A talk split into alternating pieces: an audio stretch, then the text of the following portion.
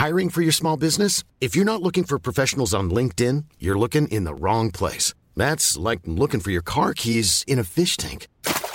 LinkedIn helps you hire professionals you can't find anywhere else, even those who aren't actively searching for a new job but might be open to the perfect role. In a given month, over 70% of LinkedIn users don't even visit other leading job sites. So start looking in the right place. With LinkedIn, you can hire professionals like a professional. Post your free job on linkedin.com slash people today. Ryan Reynolds here from Mint Mobile. With the price of just about everything going up during inflation, we thought we'd bring our prices down. So to help us, we brought in a reverse auctioneer, which is apparently a thing. Mint Mobile unlimited premium wireless. Ready to get 30, 30, bit to get 30, bit to get 20, 20, 20, bit to get 20, 20, bit to get 15, 15, 15, 15 just 15 bucks a month. So, Give it a try at mintmobile.com slash switch. $45 upfront for three months plus taxes and fees. Promo rate for new customers for limited time. Unlimited more than 40 gigabytes per month. Slows. Full terms at mintmobile.com. Ever catch yourself eating the same flavorless dinner three days in a row? Dreaming of something better? Well, HelloFresh is your guilt-free dream come true, baby. It's me, Kiki Palmer.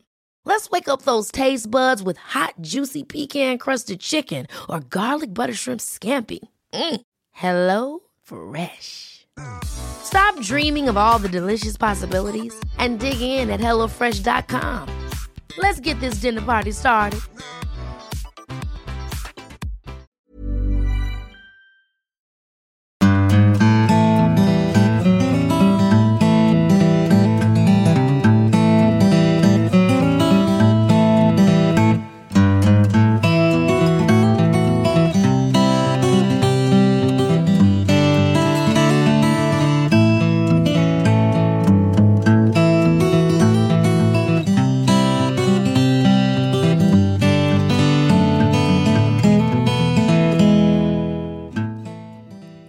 Hallo, hallo og hjertelig velkommen til en ny episode av Hall og knall-podden. Hjertelig velkommen, ja. Hei, Kristine. Hei, Robert. Jeg vet at du har det bra i dag. Ja, hvordan visste du det? Jeg Kjenner deg for godt. Ja. Jeg vet du også er bra i dag. Jeg har, jeg har hatt det bedre. Nei. Ja, Mest fordi at det har vært litt sånn der uh, shabby-shabby i dag. Ja.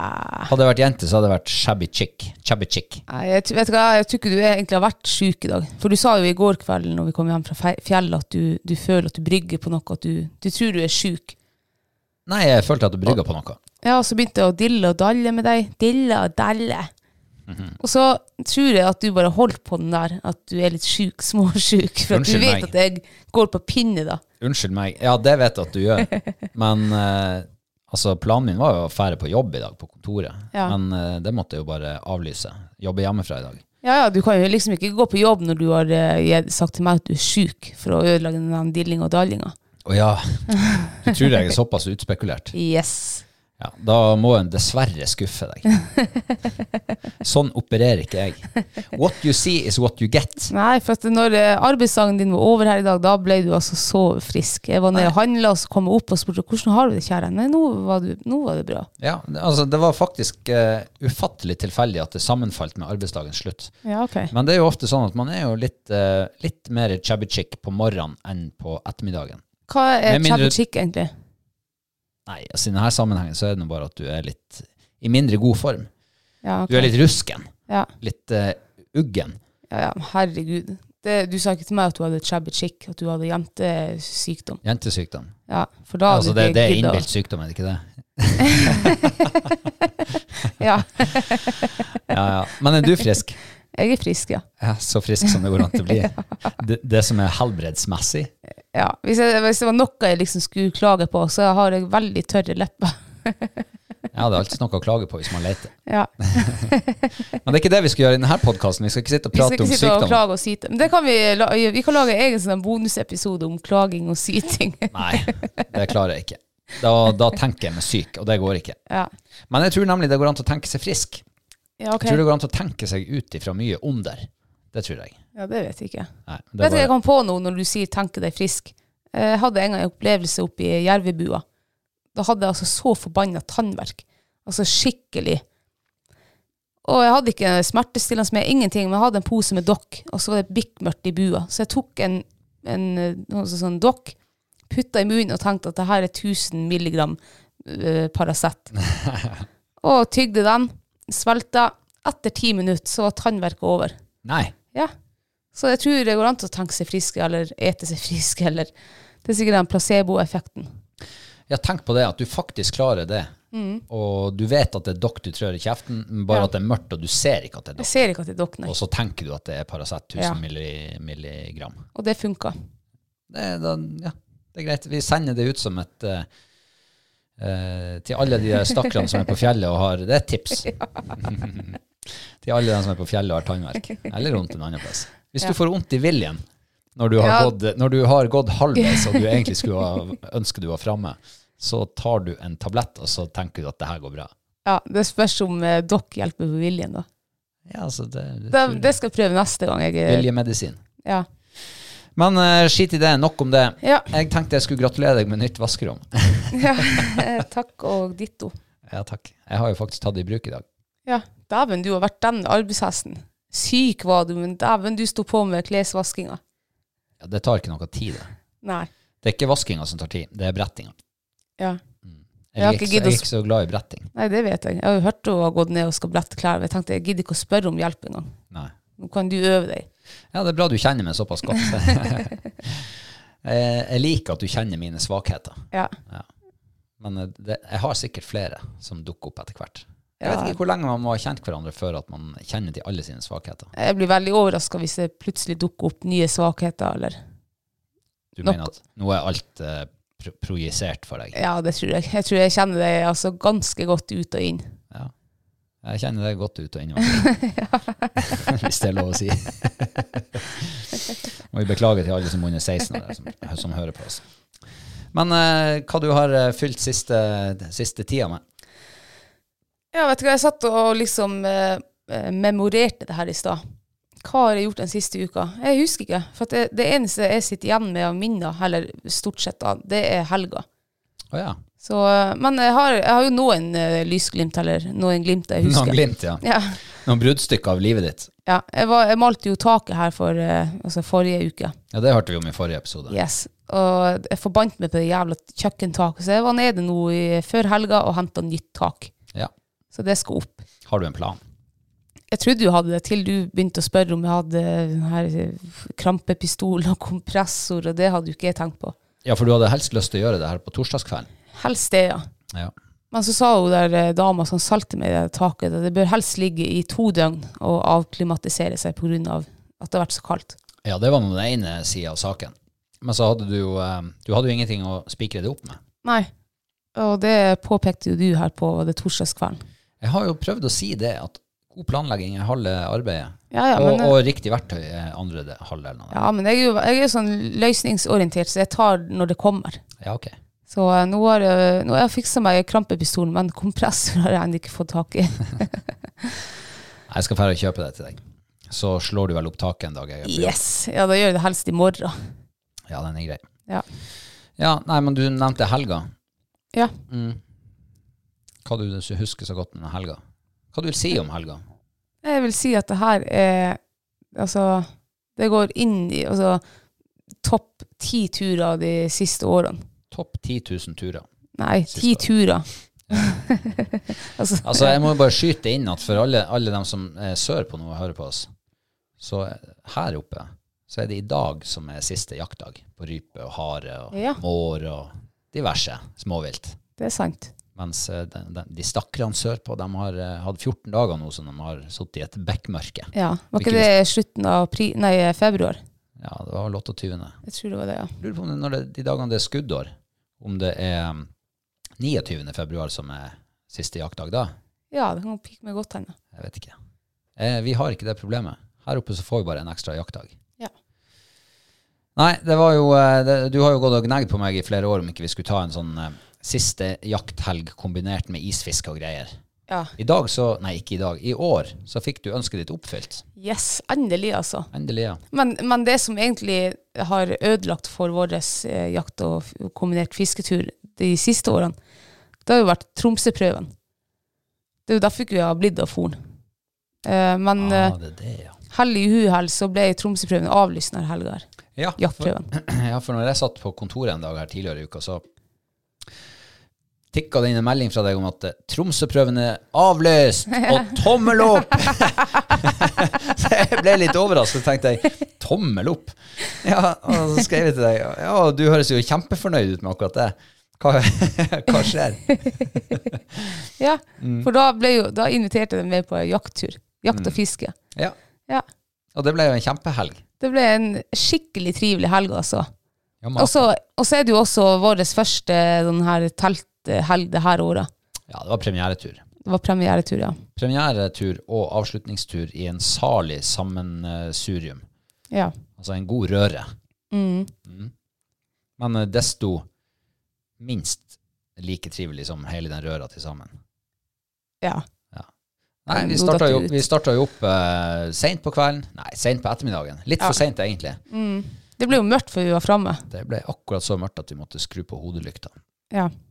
Og så var det dårlig sikt. Mm. Altså, jeg hadde jo en plan når vi, når vi liksom kom fram hvor vi skulle telte. For vi hadde jo planlagt å telte på isen.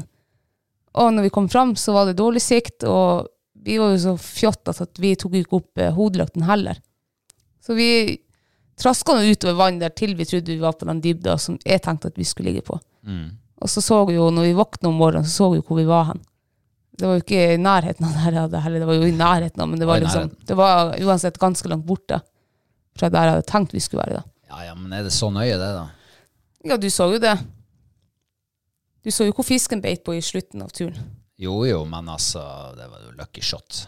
Ja, men det som, men det som jeg syns var helt merkelig, eh, det var at hver gang jeg gikk ut av den Helgelandsteltet, så klarte jeg ikke å se hvor jeg var hen, hvor var nord og sør, og jeg er lommekjent oppe der på det vannet der. Men hver gang jeg gikk ut av teltet, så visste ikke jeg hvor jeg var hen. Jeg var helt sånn desorientert hele tida. Ja, du skyldte jo på at vi hadde sett teltåpninga feil vei. For du Ja, er vant at når vi legger oss på sommeren på en, Mm. eh, jeg håper å si en barab, men når vi legger oss på land på sommeren med Ja. teltet, så er bestandig teltåpninga ned mot vannet. Ned mot vannet. ja. Det er av én en enkel grunn. At Du skal Ja. kunne bare drage litt i glidelåsen, stikke hodet ut, gløtte og se er det gode forhold eller ikke. Vake det eller ikke. Akkurat, ja. Mm. Og nå har vi liksom, nå har vi kuka det til. Nå har vi, hadde, hadde vi teltåpninga mot land, og så lå vi ute på vannet. Jo, jo, men det Så er jeg var is. helt Ja, men uansett, altså Og det vannet der og terrenget der, der jeg har vokst opp der, liksom. Men det er klart det er faen ikke å kjenne meg igjen. Så hver gang jeg gikk ut, så tok det en 30 sekunder for å bare finne ut hvor jeg var. Så hver gang du skulle ut og sjekke den der pilkestikka di som lå litt lenger ut på isen, så var du nesten på land før du oppdaget Ja, at du hadde gått i feil retning? Ja, jeg begynte å gå mot land, og så syntes jeg det var dårlig med spor der, og det ble bare mer og mer scary. Jeg skjønte ingenting. Ja, ja. Men eh, hva du syns? For det her er jo første gangen. Jeg og Johanne vi har jo hatt noen sånne turer på siste jakthelga, og endelig fikk jeg deg med nå. Hva du syns om vinterrypejakt eh, kombinert med isfiske? Ja, vet du hva, det var faktisk eh, tre ganger så trivelig som bare å være på isfisketur. Var det ikke det? ja? Ja, det var det. For eh, isfiske, når du ligger i ja, tre dager og, eh, og bare isfiske, Ja. og that's it, så kan du bli en smule lei når det er steinedødt, sånn som det stort sett er i Holland våre. Ja. Ja. Så det å kunne ta seg en liten jakttur, en runde på formiddagen, fiske litt på morgenen, ta seg en god jaktrunde, fiske på ettermiddagen, kose seg i teltet. Ja, vet du hva, det, det tilførte virkelig noe bra til, den, eh, til, en, til en tur, en, en isfisketur. Mm. Så det vil jeg gjøre igjen. ja, så bra. Så neste, neste år så tror jeg vi driter i den Tromsø-prøven. Ja, det tror jeg også. Det her var jo mye triveligere. Ja, men vi må fære på et vann med litt uh, mer fisk i. Nei, altså det er, jo, det er jo først og fremst rypejakt vi er der for. Men du, Ja, jeg tenkte på en ting. nå. Ehm, har du eh, Altså, vi forteller jo vanligvis ikke hvor vi er. Nei. Men eh, kunne du ha tenkt deg å fortelle hvor vi var denne gangen? Ja, altså egentlig Det er ingen, ingen press. Altså, bare Nei, sånn- nei, det skjønner jeg jo. Men eh, altså Mange vet jo om det vannet der. Ja vel. Det kommer jo folk fra hele fylket, og sør for oss har det vært folk her. Både på sommeren og vinteren. Ja. Så det, det er jo et kjent røyevann. Og eh, før i tida Det, er jo ikke, det høres ut som noe som det er prat om 30-40 år tilbakeover, men det er det ikke. Før i tida, altså fem-seks år tilbake, da var det et kjempegodt røyevann. Synes jeg, i hvert fall jeg, jeg fikk bestandig større fisk når jeg var der. Du så, du kjente stor fisk når du var på isen. Siste årene helt steinedødt nesten. Du får bare smått. Det aner meg at det der sammenfaller veldig med når du ble kjent med meg. Eh, Helt riktig. Fem-seks år siden cirka. Ja. Så var det slutt på bettet. Ja, det var slutt på mye faktisk sånn eh, fangst og etter jeg møtte deg. I hvert fall når det kom på fiskefronten. Altså, jeg legger meg flat, hvis det hjelper. Ja. Så det, altså, det med hall, det er bare tøv. Jeg hadde, eh, vet du hva, jeg har aldri fått så mye fisk og storfisk før jeg møtte deg. Nei, jeg vet det. Jeg er smertelig klar over det. Ja. Så ja, altså, det vannet der, det, det er ikke så hemmelig. Du kan liksom, hvis du betaler med noen tusenlapp, så skal jeg fortelle hvor det er. Det er såpass enkelt. Hvor mye Ja. koster det? Nei, altså Hvis du blar opp en eh, Ja, hva jeg skal si 12 000-15 000? Ja, noe sånt, ja. ja. Ja. Og er vi liksom kompiser, eller litt sånn på eh, sånn hils, så kan det hende du får det for en åtte. Ja, en god kompispris. Ja. Men nå har du jo uh, solgt det vannet dyrt, fordi at du sa jo at det var jo nesten ikke fisk der. Nei, og så er det en og annen. Du vet det går noen Ja, det, det er noen lyspunkter i ethvert vann. Ja. Jeg har, oppdag, jeg har opplevd det sjøl også. Stort sett bare småfisk, eller og så plutselig så ryker du i en bamse. ja. Eller bamsinne. men, men vi hadde jo en ganske fin tur dit opp for en, fire år siden, kanskje på sommeren. Det var kjempebitt. Vi fikk masse fisk på kiloen. Så altså, det er jo fin fisk der oppe. Bare, jeg tror bare vi har vært jævlig uheldige. Men jeg ser jo også når jeg har vært på fisketur med deg, så er det mest kos enn fiske. Når jeg og Johanne har vært på tur, så har det vært, ja, har vært eh, kos fra min side. Altså Johanne har vært den eh, steinharde fisken. Så det har vært bedt, så har hun ropt og hylt, og så har jeg sprunget ned på isen, og så har jeg også fått fisk. Så jeg tror kanskje det er er der det ligger, da. Okay, Så da aner du meg at du skal holde det vannet hemmelig enda en stund. Ja, man trenger ikke fortelle, altså Det er et ganske kjent vann, og, og hvis folk legger sammen eh, to pluss to, og sånn der, og, så finner de sikkert ut hvor det er. Ja, ok. Ja, Nei, men det er jo artig det. La folk eh, lete litt. Grann. Ja. Eh, Det, det aner meg jo at det blir ikke overbefolka der oppe, sånn som du har solgt inn nå. Og det er det jo egentlig ingen grunn til heller. Nei, men hadde det blitt overbefolka, så gjør ikke det noe, for vannet tåler det, og, og så er det jo kjempebra at de får fiska ut litt småfisk. Ja, sånn, ja. Nei, men det er noe Det var jo litt skuffende at ikke det var litt mer fisk å se. Altså, jeg så Ja. tre mikrofisker ned i mitt hold, og that's it. Ja. Så eh, Nei, jeg, og jeg har aldri fått fisk i det vannet der. Så for min del så kan bare hvor mange som helst fære dit og fiske, for der er ikke fisk. og så har jeg jo hørt at den fisken der oppe er jo så vanvittig god kvalitet. Ja, det er den. Ja, og det kan vel ikke du helt signere på akkurat i dag. Nei, øh, altså, av alle gangene så har det kun vært feit fisk og rød fisk der. Og så var jeg ja, var bare uheldig med den fisken jeg fikk nå i, i går. Ja, du må passe på å ikke si noe om vekt på den. Nei, for jeg har jo kjørt en Facebook-konkurranse. Ja. Nei, vekta skal, skal utebli. Ja. Men eh, jeg fikk jo en fisk i går da, helt på tampen av turen. Vi hadde pakka ned eh, teltet, og alle tingene var, lå i kløvene, og jeg sa bare til deg at jeg skal Jeg går og henter fiskestanga mi som ligger der ute. Mens du tar teltet ned. Ja, det kanskje var sånn det var da. kanskje teltet sto, ja. Teltet sto. Ja, Uh, anyway. Så jeg gikk ut dit. Uh, kjente på uh, fiskesnøret, og var ingen fisk på. Så tenkte jeg, altså, Det er jo vanlig at man tar en to, tre, fire nøkk før du sveiver inn. Så jeg tok en to, tre, fire nøkk, og bam! Der smalt det på en. Og tenkte shit! Og så begynner jeg å dra han inn, og så nei, faen, kanskje han bare var en sånn halvt kilo steikfisk. For han kom så lett inn. Han var helt sånn, han kjente sånn Det var ikke sprell eller noe. Han bare kom med meg til jeg fikk han i holdet. Å, satan, det utraset han hadde. Altså, jeg mista snøret fra nevene mine. Det her er sånn en gammel pilkes, altså der du, må, Ja, ja, ja. der du sitter og fisker med fingrene. Så jeg mista alt snøret. Begynte å rope og hyle, der, og da trodde jeg hadde mista når jeg fikk snøret igjen. Og da liksom, nei da, han var der ennå. Tok han inn der og ropte og hylte. Hører du kommer springende bak med filmkamera. Og så var det et nytt utras, og han freser ut. Heldigvis så stoppa han liksom hver gang det var slutt på tråden. og så fikk han inn der, og så hadde jo håret var i veien, og jeg så jo ingenting nedi det hullet der. Til jeg plutselig fikk se han. Å, satan, det hodet på han. Altså, det så faen meg ut som stortorsken som var på tur opp av, eh, av havet. Mm. jeg var sikker på at det her bare, altså, Kjapt inn i hodet mitt så tenkte jeg jøss, det her er tre, fire, fem, seks, altså stor som helst. Altså jeg visste, liksom, jeg tenkte at jeg var sikkert den største fisken i vannet. Ja, du har det med å ta godt i, iallfall. Ja, men det var deilig, for det- hodet var så stort. Og så, og jeg, man tenker jo ikke at alt forstørres ned i vann heller. Men det bare, jeg tenkte, her får jeg den opp av holdet, og ja, det var, men jeg fikk han jo opp av holdet. Og det tok tak i nakken på han, og liksom begynte å fiske han opp, og han ble bare, altså, det, fisken kom jo aldri, det tok jo ikke slutt. jeg hadde jo, jeg sto jo sikkert en meter, og da var enda sporene i, i holdet på Ja, ikke sant? Ja, ja, ja. Nå overdrev jeg kanskje litt, da. Men jeg var så stor.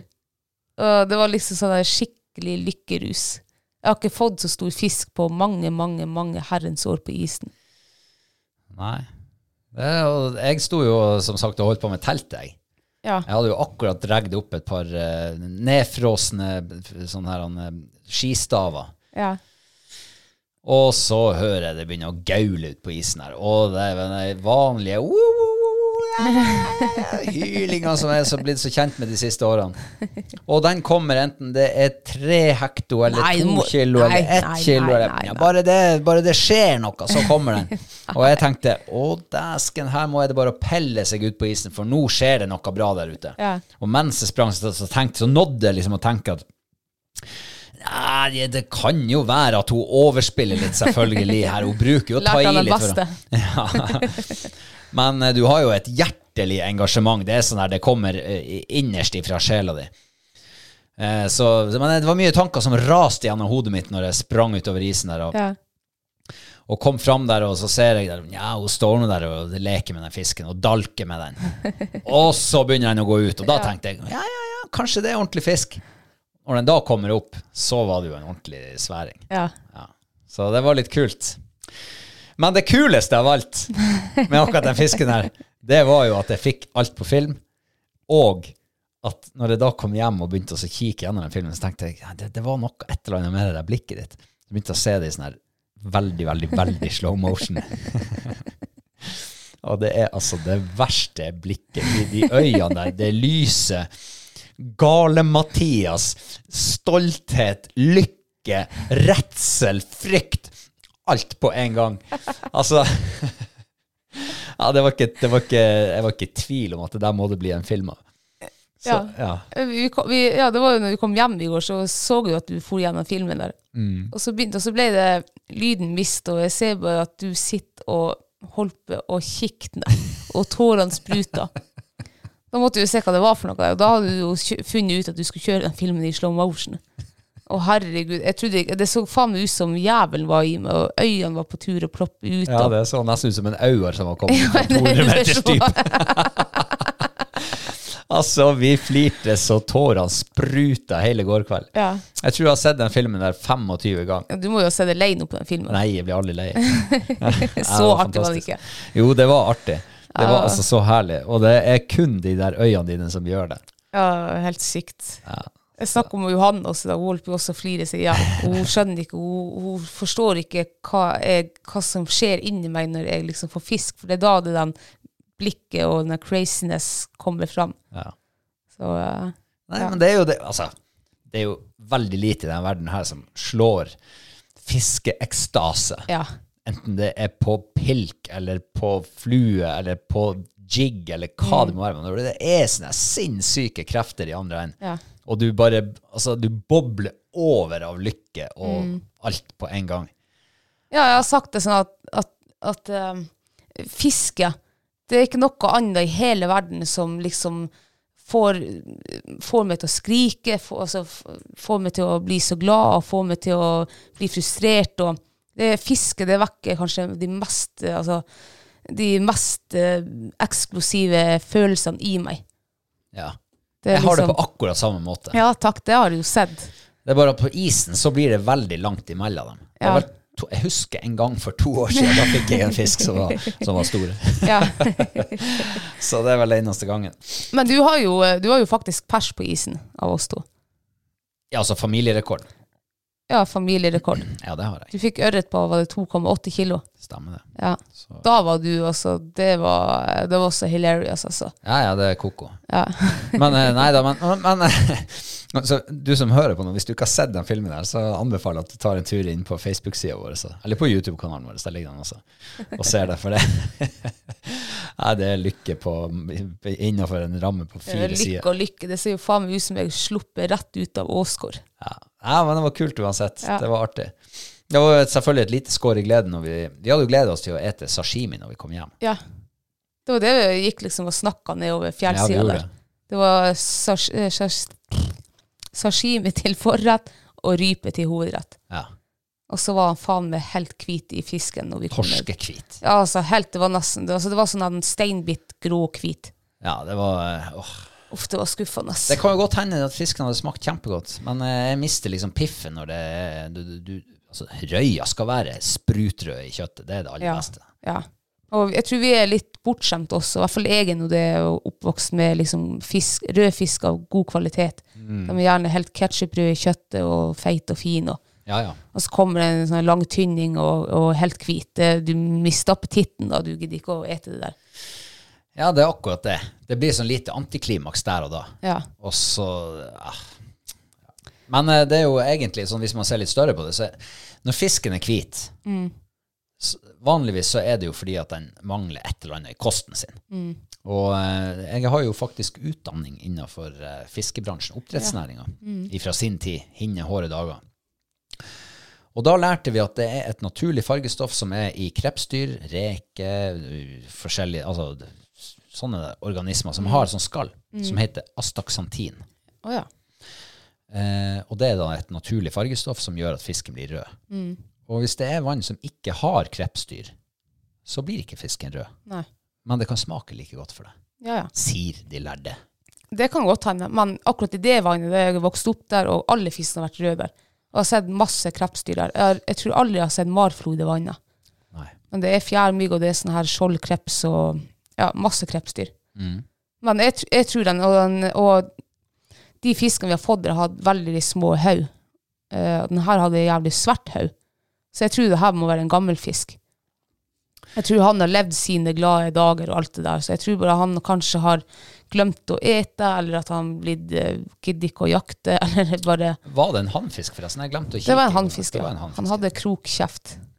Ja, men hadde han uh, gonada? Ja. Ja, nei, det kan jo godt hende det var en returfisk. Ja. Eh, og det var jo det jeg fikk hele fjor, det var jo returfisker. De som var av en viss størrelse, de var gule i kjøttet og tynne i buken og stakkarslige og fæle. Det er bare de syke og svake fiskene som biter på oss. Det er det. Jeg skjønner hvilken tiltrekking vi har. De eh, har vel møtt sine likemenn og kvinner. Tror det der ligger Nei, jeg vet ikke. Noe må det jo være. De sier ja, at li ja, ja, like barn leker best. leker best og tiltrekkes av hverandre. Ja, jeg skulle si den tiltrekkinga. Ja, det vet jeg faen. Ja.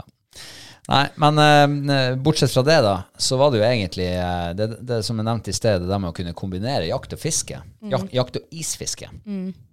Fantastisk hobbykombinasjon, altså. Ja, herregud. Og eh, det var jo, vi var jo litt sånn skeptiske på værmeldinga. Det var jo litt, det skulle bli litt sne, og det kunne bli litt vind. og vi, ja.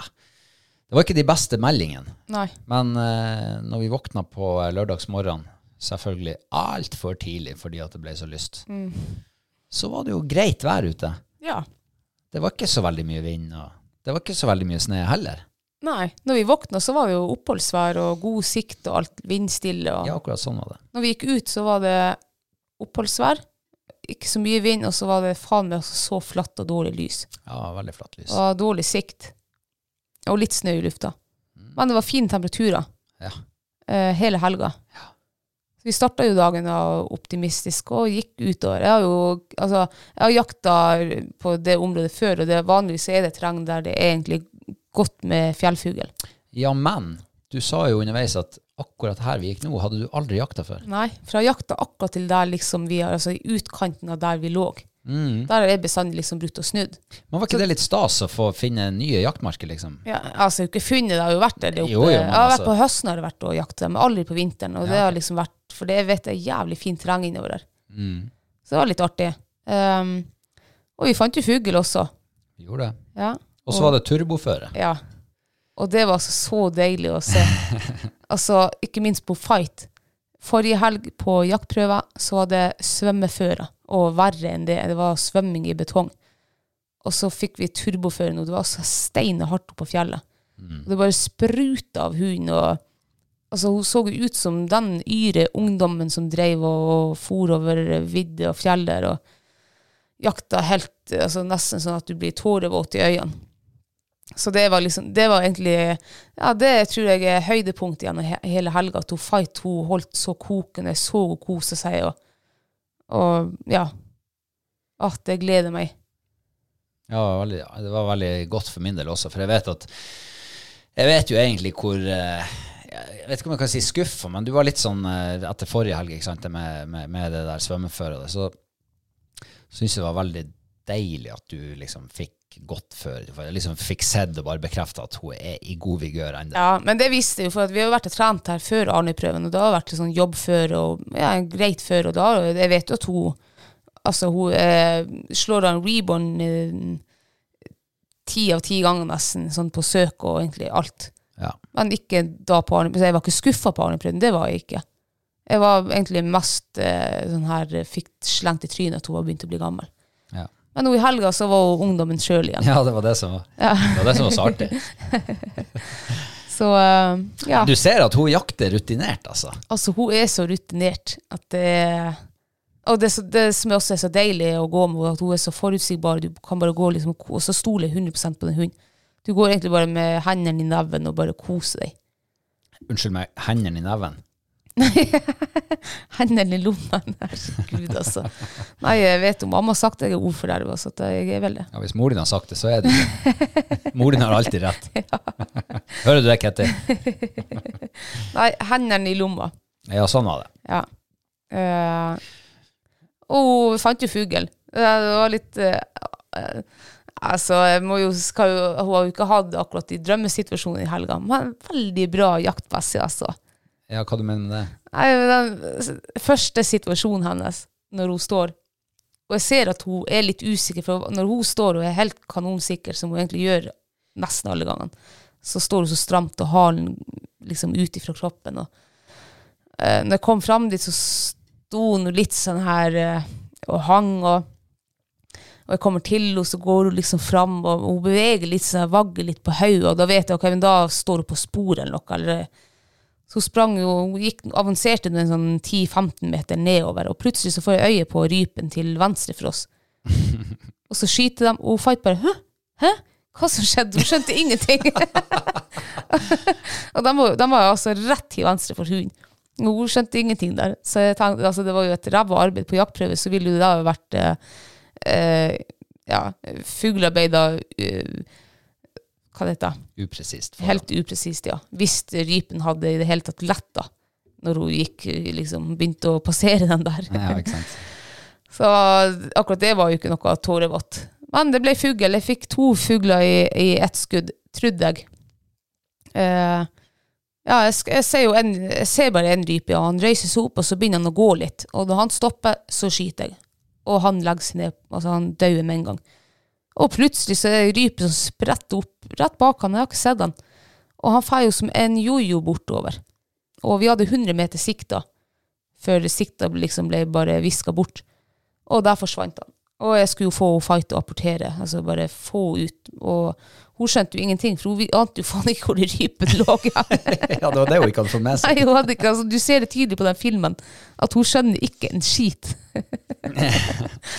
Så eh, Nei, vi for og lette etter den rypa der. Vi mista den jo etter 100 meter, men jeg visste jo hvilken retning han for ut. Jeg tenkte jo at han for skrått utover vannet.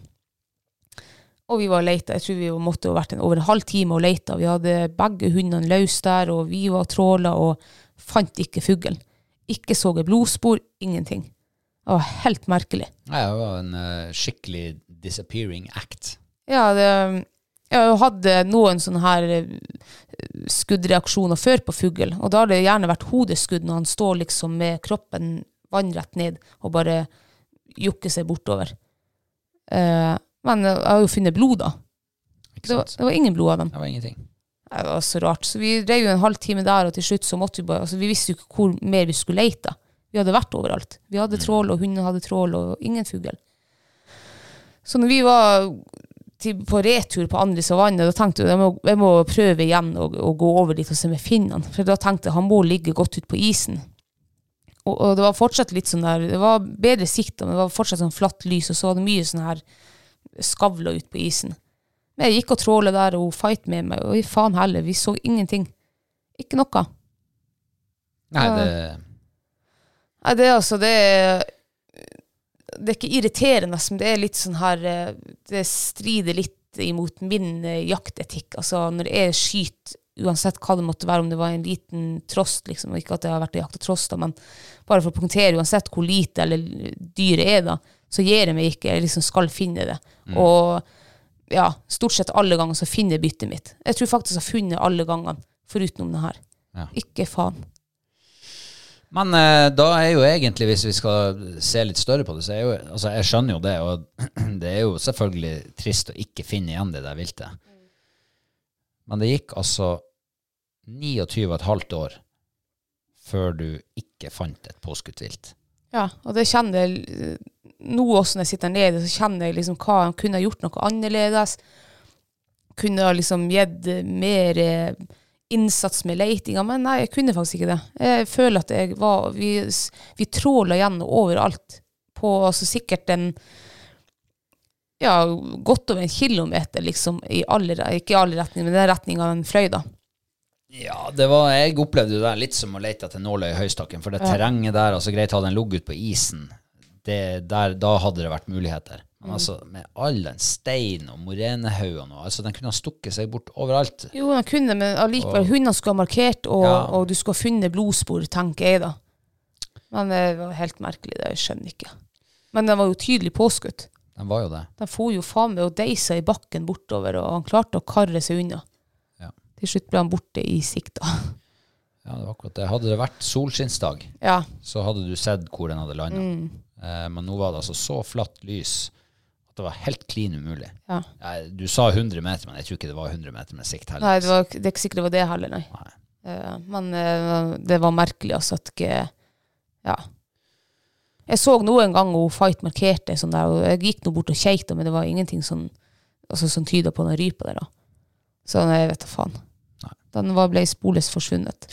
Men eh, det jeg har eh, lyst å trekke fram med helga, da, det er jo Jeg, jeg liker jo å ha litt sånn eh, fugleperspektiv på ting.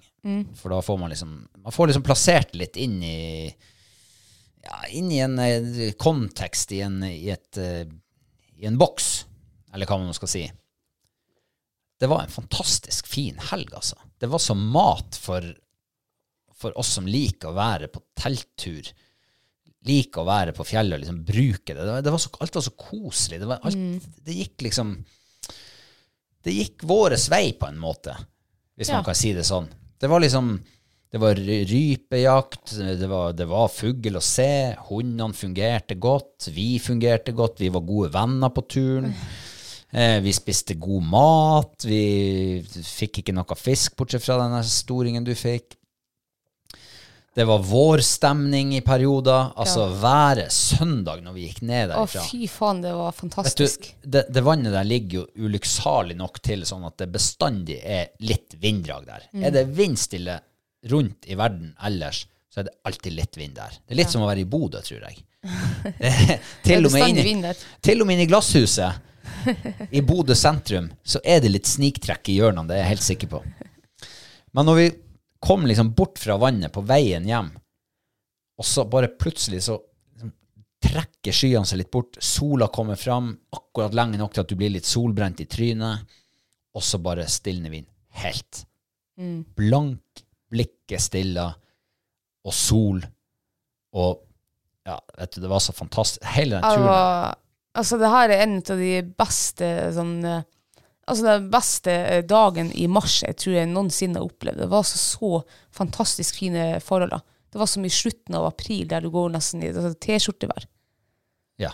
Uff, det var fint. Ja, det var det. Mm. Og uh, vi fikk jo til og med Altså, vi har prøvd to nye jaktformer i helga. Vi må ikke, mis, vi må ikke glemme det. Nei. Vi har altså både jakta uten staver på ski. Ja, det har jeg gjort tidligere i vinter. Det har Flere jeg ganger. aldri gjort. Aldri Nei. gjort det. Stavene sto jo som, eh, som eh, sånn der eh, plugger i teltet. Ja. Det har jeg aldri gjort før, men det funka jo hest. Det var jo kjempebra. Jeg, Ja, jeg trenger egentlig ikke skistav. De er i veien når du er på jakt. De er i veien. Ja. Eh, og det er jo relativt flatt der oppe. Men det som jeg syns var ekstra komisk, da, det var at vi jakta jo faktisk med pulk Ja, bakpå på, på søndagen. Det har jeg aldri gjort. Det har jeg aldri gjort. Faen, det var tungt, altså. Nei, det var det ikke. Jeg synes det var altså, jeg hater jo å gå og trekke pulk. Altså, jeg blir så stiv i hoften at det, også viljen min blir ødelagt. Ja, men du skal ta en dokk. ja kanskje, det, kanskje det hjelper mot vondt i viljen. Ja, det tror jeg hjelper. Ja, men i hvert fall, jeg, jeg hater å gå med pulk. Men, og det var tungt. Men liksom, vi begynte å finne fugl, da fikk jeg motivasjon. Og da faen meg for jeg over de altså. bratteste partiene og med pulken bak meg. Ja. Da Ja. glemte den der pulken. Du, det, å gå etter deg der, det var akkurat som å gå etter en sånn eh, firhjulingsspor som eh, samene bruker Ja. på fjellet. For de kjører, og så når de ser en topp, så kjører de opp på den toppen, for å se, og da har de god utsikt i alle retninger. Ja. Sånn var det å gå etter deg. Du, fant du en topp, så gikk du opp på den. Rart det var litt tungt i hoftene dine. Nei, men da, mer, nei, men da merka jeg ikke. For da, var liksom, da hadde vi hatt første fuglearbeidet på hjemturen, og det var Ja. Ja, ikke sant. Men eh, Nei, det var fantastisk. Og, og så var det jo eh, det der eh, når vi kom tilbake på lørdag, og jeg må jo si det, jeg har- skutt tre ryper hittil i vinter. ja, i høst, ja. I høst, ja. ja. Det var på jaktstarten. Ja, det var den første perioden i alle fall. Så, så traff vi altså greit med rype, og vi fikk felt noen ryper. Og så kom vi tilbake i teltet. Rypene er enda lunka. De er ikke nådd å bli kalde, Nei. selv om det er noen minusgrader ute. Vet du, Å steike dem der i teltet Vet du, det var så godt. Ja, det var altså helt nydelig. Fy faen, det er de beste rypen tror jeg jeg har smakt. Ja, det er de beste rypene jeg har smakt. Ja, Altså, du, du skar dem opp i sånne store terninger, og så bare fyrte vi dem rett i panna med masse smør og salt og pepper. Åh, det var så godt. å fy faen, det var godt. Det var, det, jeg kjenner at det no, Du vet når du spiser noe surt, og så Ja, du får begynner- sånn her du får det, det, du, det stikker bak ørene. Ja, så begynner det å væske seg. Sånn får jeg nå, bare at Mm. det stikker ikke bak ørene. Kun at tennene løper i vann. Det var fantastisk. Det, Mm. det er kanskje høydepunktet mitt fra helga. Sånn enkeltpunkt. Er det altså den opplevelsen der, ja. Akkurat den smaken når Mm. vi satt der og, og spiste ifra steikepanna. ja. Nystekte, varme rypebrøst. Åh, det Men det varte jo ikke lenge, den opplevelsen din. Nei, det gjorde ikke det. Jeg, jeg ødela jo den Du besudla dem. med Toro jegergryte. Uff, du skulle jo hatt juling.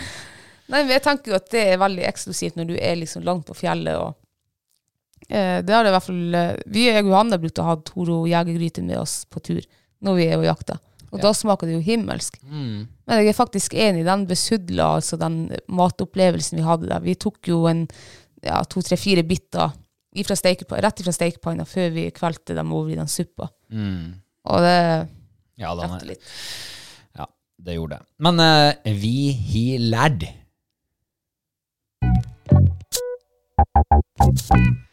Ja, men det passer jo kanskje godt å bare um, snike oss over på ukas mathøydepunkt, er det ikke det? Ja. Var vi ferdige nå å snakke om helga? Jeg vet ikke. Jeg følte vi var jo ikke halvveis engang. Å, herregud. nei, Så mye tid har vi ikke. Vi har en fotballkamp i kveld. Ja, det har vi, for faen. Ja, ja, men har du noe mer viktig du vil eh, snakke om om helga? Vil du lette hjertet ditt? Er det noe mer du har, har der inni hjertet ditt? Nei, altså, nei, hvis det var sånn stress Nei, altså, jeg skjønner at ikke vi kan sitte her hele kvelden og snakke om. Men, det var, men jeg tenker bare på Når vi satt der oppe på eh, teltet på lørdagskvelden, så satt vi og mimra over eh, Jeg spurte deg om din topp én-tur. og det var vanskelig å svare på. Men du nevnte noen turer, og vi satt jo der og mimra om fine turer vi hadde hatt i lag. Ja. Og kanskje de aller beste turene vi har opplevd, dem har vi hatt i lag. Men jeg tenker i dag, om, hvis jeg spør deg neste år eller om fire-fem år, så tror jeg jeg kommer til å nevne her. For det var så, det var så hele turen var så av så god kvalitet, og jeg følte at fjellet var gavmild med oss. Vi fikk liksom gourmetmat, vi fikk skikkelig fine jaktopplevelser, vi fikk fiskeopplevelser helt på tampen. Vi hadde godt vær, og det var liksom alt var bare Alle de der eh, momentene var med på å gjøre denne turen så sinnssykt opplevelsesrik. Støttes. Ja. Støttes herifra til månen. Og hvis den om en fire-fem år ikke skulle være på eh, topp eh, tre-lista Dæven, vi har hatt noe. mange gode turer. Ja, ikke sant? Men det er jo akkurat de der opplevelsene. Det er jo det, er jo det vi lever for, alle sammen. Ja, det er jo det. Ikke sant? Det, Mm. det du putter i sekken din og tar med deg til mørke vinterkvelder eller Mm. uværsdager eller eh, en dag du har det litt trasig, så kan du bare hente fram et sånt minne. Mm. Det, og og det minnet etter denne turen for min del, det er ikke nødvendigvis de der enkeltelementene. Nei. Det er den følelsen. Følelsen jeg hadde gjennom hele turen. Ja. Vet du, det var Det er sånn godfølelse. Sånn her, du vet når du føler deg sånn her tilfreds, du har liksom åh, du har oppnådd noe. Noe som du har liksom lengta etter, eller altså Den følelsen sitter jeg igjen med etter denne turen. Fantastisk. Ekte opplevelse. Ekte opplevelse, ja. Og så kan du jo også, og så tror jeg også at de her siste månedene med mye sånn dårlig vær, er kanskje også en litt sånn her på, altså med på å, å gjøre denne turen så fantastisk som den var da. Vi har, ikke hatt, vi har liksom ikke hatt de fine og flotte opplevelsene på mange måneder. Ja. På grunn av vær og vind og skit og dritt og Ja. For en gangs skyld så klaffa det. Ting Alt klaffa. klaffa, ja. Det eneste som mangla, det var at vi hadde sittet ute i T-skjorta og fiska storøye. Solsteik. Ja, men det kommer. Altså, Det kommer. mars måned er Ja. Du skal øh, takke og prise for den dag vi fikk på søndag i mars måned. Jeg takker og priser. Praise the Lord. ja. Eh, men jeg prøvde liksom også å vri oss over til uh, ukas mathøydepunkt. Ja. ja Det var det, ja. er det noen bombe her, eller, eller ei? Er det forventet? Er det noen bombe? Eh, nei, det er vel kanskje ikke bombe at den uh, mat, eller den rype De få to, tre, fire bitene vi tok fra stekepanna i helga, er i hvert fall min matopplevelse. Ja, eh, og eh, jeg skal være enig med deg i det. Og, men når vi satt der og spiste det der, og jeg tror faktisk jeg nevnte til deg at eh, nei, er det ikke litt galt å besudle den der, eh, de her herlige råvarene Ja, du nevnte det. med, med Toro jegergryte? Så tenkte jeg at eh, ja, det her føles ikke helt rett. Men eh, du var ganske trygg på at det her skulle bli bra, og det var erfaringa di. Og så dro den faktisk ned inntrykket litt. Grann. Ja, det var noe altså Ternekast, ternekast før var seks, og ternekast etter for min del var fem. Ja, jeg er enig i det. Ja, så han dro ikke mye ned, men selvfølgelig bare å sitte og ete de rypebitene, det var jo himmelsk. Ja, det var det. Eh, men når vi gjorde det, da, når vi oppdaga at det, ble ett bitte lite hakk ned, så sa vi at når vi kommer hjem, så skal vi lage det her. Så skal vi lage det her sånn som vi hadde lagd det før vi hadde den gryta oppi. Ja, og hvordan gikk det, Robert? Det gikk rett åt skogen. Ja, det ble enda et ternekast Drukket ned. Så Ja, ternekast fire når vi kom hjem i dag og lagde middag. Ja. Kun rype. Kun rype, kun stekt sopp. Og så tenkte vi at det her blir eh, magisk. Ja, Og så ble det ikke det. det ble ikke det. Så, ja. Ja. Hva skjedde? Nei, altså jeg tror også det når du sitter oppå, langt inn på fjellet, og du har gått en hel dag og er litt sånn her, du er god sliten i kroppen og fylt med opplevelser, og, og så liksom et du den eh, prisa kjøttet som du sjøl har vært ute og fanga, og det, er, det ryker enda av, av brøstet for det er så ferskt. Når du putter det i munnen, og det bare smelter i tunga. Selvfølgelig, jeg tror turen har masse å si, altså for opp- matopplevelsen da og smaksopplevelsen. Ja, det må jo åpenbart det. Ja, ja. Det blir noe annet å komme hjem og samme rypa, hive i stekepanna, slå på den der eh, elektriske stekepanna på ni og, og frese den opp, og så sette den over et iskald tallerken og spise med kniv og gafler. Og, Ja, og du har sittet hjemme, du har sittet inne, du hadde varmt og Ja. trygt og godt hele dagen, du har ikke vært ute og trødd en millimeter. nei. Eh, ja. Kan det være så enkelt? Jeg er ikke helt sikker på det. Fordi jeg begynte å spekulere litt her mens, eh, mens vi spiste det her. No. Og det som skjer når du er på fjellet og koker på primus Nå bruker vi en sånn bensinbrenner. Ja. Men jeg tror alle brennere, det blir ganske varmt. Du har god kok på Hva han sier han der på eh, han Matoma? Fortmoped? Eller noe Jeg sånt. trodde du skulle referere til han samen. Det koker vi. ja, vi kan gjøre det òg. Men, eh, men eh, når du eh, eh, hvor jeg var varmt, ja. Ja. Altså, du, du steiker det, du oversteiker det egentlig. Du har altfor høy varme, men du steiker det så kort Ja. at det blir helt perfekt. Du får sånn sprø, crisp, litt sånn crispy steikehinne. Du har liksom, kanskje du har gjerne hatt litt ekstra salt på, for du er ikke så nøye på det på fjellet. Du skal bare ha litt smak inni det. Og så kommer du hjem, og så overtenker du. Du skal ikke steike det for hardt. Du skal ikke salte det for mye. Ja. Du skal ikke krydre det for mye. Du skal gjøre det Altså, det blir for perfekt, rett og slett. Ja. Ja, vet du hva, jeg tror det kan være det. Kan det være at vi neste gang så skal vi bare ta, gjøre akkurat det samme som vi gjorde på fjellet? Du skar opp i store terninger. Eh, altfor varm panne, altfor mye salt, altfor mye pepper, altfor mye smør. Altfor mye av alt. Og så bare Er det det vi må gjøre neste gang, kanskje? Jeg tror vi må gjøre det, ja. Prøv å ikke være så prøv, Tenk at vi er på tur. Kanskje Mm. helst ta den bensinbrenneren inn på kjøkkenet og så steike han Ja, litt på det. det, ja. ja, men det er noen faktorer her som ikke vi helt har knekt ennå. Vi har jo ennå noen ryper igjen etter den turen, så vi har jo en middag til i hvert fall. Vi har en Så kanskje vi må prøve det. Kanskje vi lager det ute neste gang. Ja, vi lager det på verandaen. På verandaen, ja. Yes. Ja, du, det, det skal vi gjøre. Mm. Eh, fordi at da får vi liksom drive med litt eh, superenkel forskning. ja. Men det blir vel en stund til. Vi begge to ble litt vilt lei i dag. Vi har spist rype nå nesten to dager på rad. Eh, Nei, altså, det er jo forbigående. Det er det, ja. Ja, er det ikke det? Ja, ja det er vel kanskje det. Så da foreslår jeg rypemiddag til helga, da. Er det innafor? Det er innafor. Men da må vi ha en god rødvin til. Ja. En, Da blir det eh, Amarone. Amarone, ja. Mm. Eh, ga du terningkast på maten i dag? Ja, det var vel fire. Det begynte med seks, og så gikk det ned til fem, og så fire i dag. Ja, må vi, da, da må vi ta den, dra den oppover til Ja. helga. Ja. Du Kristine, vi, var det forrige gang vi begynte så vidt med en sånn der Uka snakkis eller noe sånt? Eh, men hvis vi, ja. Ja. altså, du kom jo opp med, med Du snakka om noe her tidligere i dag, om, eh, om en rev i Bygdøy, var det det? Ja, eh, jeg er jo litt aktiv på Facebook, i hvert fall på sånn den, veggen veggen å scrolle ned. Og jeg har jo sett nå de siste uka, kanskje egentlig de siste to ukene, så har det vært snakk om en eh, aggressiv rev på Bygdøy. På Bygdøy? Ja, Bygdøy allé?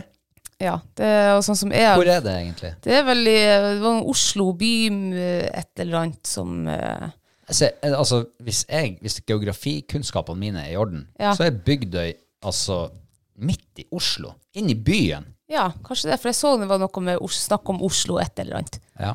Eh, Jeg har jo ikke sett meg så veldig mye inn i saken, men jeg leser jo litt kommentarer, for det er jo hilarious. Og så har jeg lest, jeg leste siste saken, da. Jeg har lest en til sak. Jeg kan jo starte med da, i hvert fall denne Bygdøyreven. Eh, det starta vel med at han drepte en hund. Oi, oi. Så vidt jeg eh, forsto i en avisartikkel Nå leser jo jeg mye overskrift og litt sånne her sitater. Og så, og så krangler du i kommentarfeltet etterpå? Nei, det gjør, det har nei, det gjør jeg ikke. Nei. Nei. Ok, ja, overskrift. Men i hvert fall, han hadde hoppa over et gjerde og bare tatt tak i hunden, og så tatt han da. Tatt av dage. Jeg leste en annen plass han hadde tatt to hunder, men det er jeg litt usikker på. Men i hvert fall, det ble noe snakk om å eh, ta ut den her eh, aggressive reven, da. Folk hadde jo møtt han, og ene, ene turgåeren med hunden, han måtte hive hunden sin opp i søppelbøtta, i søppelcontaineren for å berge hunden, liksom, og få den reven vekk, for han var helt sånn her, han var så pågående, han var ikke redd noe. Eh, så ble det jo snakk om å avlive dem. Men det ville jo ikke eh, bygdøyfolkene. De ville jo eh, verne om reven. Å ja, lokalinnvånerne. Ja. Ja. Det er jo litt spesielt, er det ikke det? Eh, ja. Eh, altså det var så mye altså Det her var vel i forrige uke. Det var så mye skriverier om å ta den ut eller ikke, eller hva man skulle gjøre med den. Skulle man sjekke om han var frisk, og skulle man ham med, nesten medisinere han og hive han inn på sånn psykiatrisk og prøve å få han frisk? Det var nesten litt sånn der. Og jeg tenker Altså, hva er problemet? Er det ikke bare å avlive han? Er det ikke bare å jakte på han og skyte han? Altså, ja, det er vel jo- ikke bare å jakte på å skyte en rev midt i byen, er det det? Nei, der er jo sikkert Nei, nei. Men liksom, altså, den problemstillinga var jo om altså om man skulle friske, altså sende han på institusjon nesten for å få få ja. han frisk. Det var jo det som var den store Skulle på galehus. Ja, liksom hva vi kan gjøre for å hjelpe den reven, da. Og hva vi kan gjøre for å minske drapstall og sånn der. Det var jo den seriemorderen som var løs der, nesten. Derfor, det, altså, jeg tenker at det er så enkelt som det. Det er jo bare å avlive den. Det er et rovdyr. Det Jeg skal ikke bo i byen. Nei, ja, de skal jo helst være i deres rette elementer ute i naturen. Ja. Eh, det som jeg syns er veldig rart, at en rev er så pågående så går og inn og liksom i hagen til folk og dreper en hund og kommer mot deg når du trør. Ja, men altså, at en rev dreper Hvilke hunder var det snakk om? Jeg tror det var en pomeranian. Hva det er ene. Det er, Er det sånn, så det er sånn væskehund. Å ja, ja, ja. Men da er jo reven mye større enn dem. Ja. Eh, altså, jeg må jo si sånn, vernerne, altså, de var jo her først. Nei da. Nei da, det var bare tull. Det er jo synd med hund, selvfølgelig. Ja, det er det jo. Det er det. Hadde reven tatt min hund, så hadde hun tatt den av dage. For Ja, hunden altså- betyr alt for meg, så det skjønner jeg. Ja, og det der blir jo nesten som ulven i Altså de ulvene som er og, og tar jakthunder når de er ute Ja. Mm. og, og jakter. ikke sant? Det blir jo litt samme problemstillinga. Ja, Bare en- at det er i et urbant miljø, på en måte. Ja, det blir akkurat samme, at en rev klarer jo ikke å ta en jakthund, og det tror jeg ikke. Men han tar mindre kjæledyr da. Ja. Uh, eh, nei, altså, jeg skjønner ikke problemet. Det er jakt på reven, og det er forvaltning på han. Vi har for mye rev mange plasser, og det er jo bare å avlive dem. Det er jo åpenbart for mye rev når han trekker midt inn i bykjernen i Oslo. Ja, og det var også snakk om at det var, en, altså, det var flere rever der som hadde liksom eh, bosatt seg der. Mm. Eh, de skal jo ikke være der. Nei. Altså For min del skal de nå bare være der. Eh, ja, nei, det var jo faktisk Det var litt artig å, å lese eh, alle eh, altså spekulasjonene og meninger til folk. Og, Var det noen konspirasjonsteorier inne i bildet her? Um, det kan en godt hende, men jeg har ikke fått det med meg, da, tror jeg. Jeg har ikke sett meg så veldig inn. altså Du har ikke lest alle kommentarene? Nei, jeg har lest kanskje noen hundre kommentarer på Ja, men hva var enden på visa, da? Det ene, pågår det ennå, det der? Ja, men først skulle de jo avlive dem, men da hadde eh, Herregud, hva det heter nå, alt det der bymiljøet eller et eller annet, eller naboene der hadde i hvert fall gått imot da de ikke skulle avlive den reven uansett, så da ble det stoppa det, da skulle reven ikke avlives. Men nå var den blitt avleven, i samråd med politiet. Oh, ja. Så de har fått fatt på gjerningsmannen, og han er Han er dømt. borte for alltid. Borte for alltid. Ja. Ja, men eh, da må man jo nesten si at det ble en lykkelig slutt for alle, alle hundeeierne i Bygdøy, da. Ja. Og eh, det, altså, det er jo litt spesielt det altså, det kommer en rev trekke inn i Altså, Og er liksom fare for uh, ja, for miljø, nærmiljøet, liksom. Ja, det, Omgivelsene. ja, Det, det er sært. Hadde Ja, det det- vært ute på bygda, hadde det vært her, så hadde det ikke vært noen som hadde løfta på et øyelokk. Men altså midt inn i gryta i Oslo. Ja, det, det er litt rart. Ja, det er rart, men uh, altså, hadde det vært her også, det hadde jo vært spesielt uansett. Jeg har aldri opplevd en, en rev sånn pågående, så aggressiv og liksom sånn annen enn revevalper som er litt nysgjerrig. Nei. Uh, det var helt merkelig. Jeg tenker jo at den reven må jo være sjuk eller noe. Eller så har han uh, Ja, jeg vet da farsken. Ja ja, nei, men eh, det er jo det er mye vi ikke skal forstå her i denne verden. Det er det. Men eh, da er i hvert fall saken løst. Saken er løst, ja. Politiet har avliva reven, og eh, problemet er ute av verden. Problemet er løst. Ja, kjære Kristine. Eh, vi, har jo, vi får jo tid om annet noen spørsmål som, som folk lurer på. Ja. Og eh, da tenkte jeg at vi skulle prøve å svare på noen av dem. Ja. Altså, det er jo folk som lurer på veldig mye forskjellig og mye rart, og det er jo ikke alt vi kan noe om. Nei, nei. Men uh, som Vi kan sier, gjøre så godt vi kan. det kan vi gjøre, og det vi ikke vet noe om, det kan vi jo prøve å late som vi kan. Men uh, de spørsmålene vi har i dag, det er jo mer av den trivielle arten. Ok. Og uh, er du klar? Jeg er klar. Du er klar.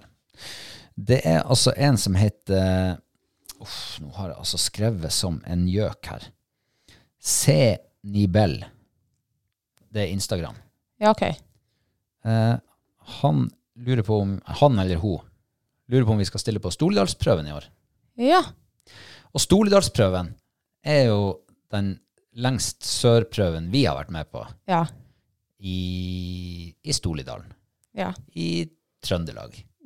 Trønder, altså. Da er vi tilbake igjen. ja. Jeg elsker Trøndelag. Hvis Men jeg noen gang skal flytte, så skal jeg flytte i Trøndelag. Ja, det skal jeg òg. Ja. Hvis ikke jeg flytter til Finnmark, da. Ja. Men storlederprøven, Storlidarprøven, ja. Jeg har meldt eh, meg på storlederprøven. Det har du faktisk gjort. Yes. Så, hurra ja. til alle Stoledalsfans. Ja, Så hvis den prøven ikke blir avlyst eller noe, så kommer jeg til å stille der. Ja, hvis ikke koronapandemien bare tar helt av, Ja. og Trøndelag blir rød. Nei, jeg, eh, jeg hadde jo eh, Altså, jeg skulle jo ned til Trøndelag uansett, så da tenkte jeg da Det passer veldig bra da med den helga. Du er så heldig. Jeg vet det. Men jeg har meldt opp fight på, så jeg må, jeg må se. Hvis det er dårlig føre, så tror jeg jeg tar en reborn med. Er det bra føre, så tar hun fight med. Og jeg håper jo inderlig at det blir bra føre. Vi hadde jo stor suksess der sist vi var i Storlidal-prøven. Ja, og så får dere jo nesten håpe at det blir like bra vær som sist, for det var jo det var- virkelig Altså, sommervær. Storlidalsprøven det er den aller triveligste prøven jeg noensinne har vært på. Ja, Alt bare klaffa der. Fy til rakkeren, som de oversetter på TV. Fytti rakkeren med. Ja.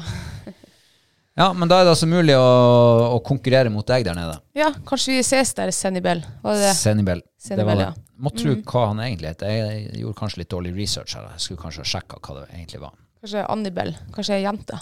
Ja, det kan være.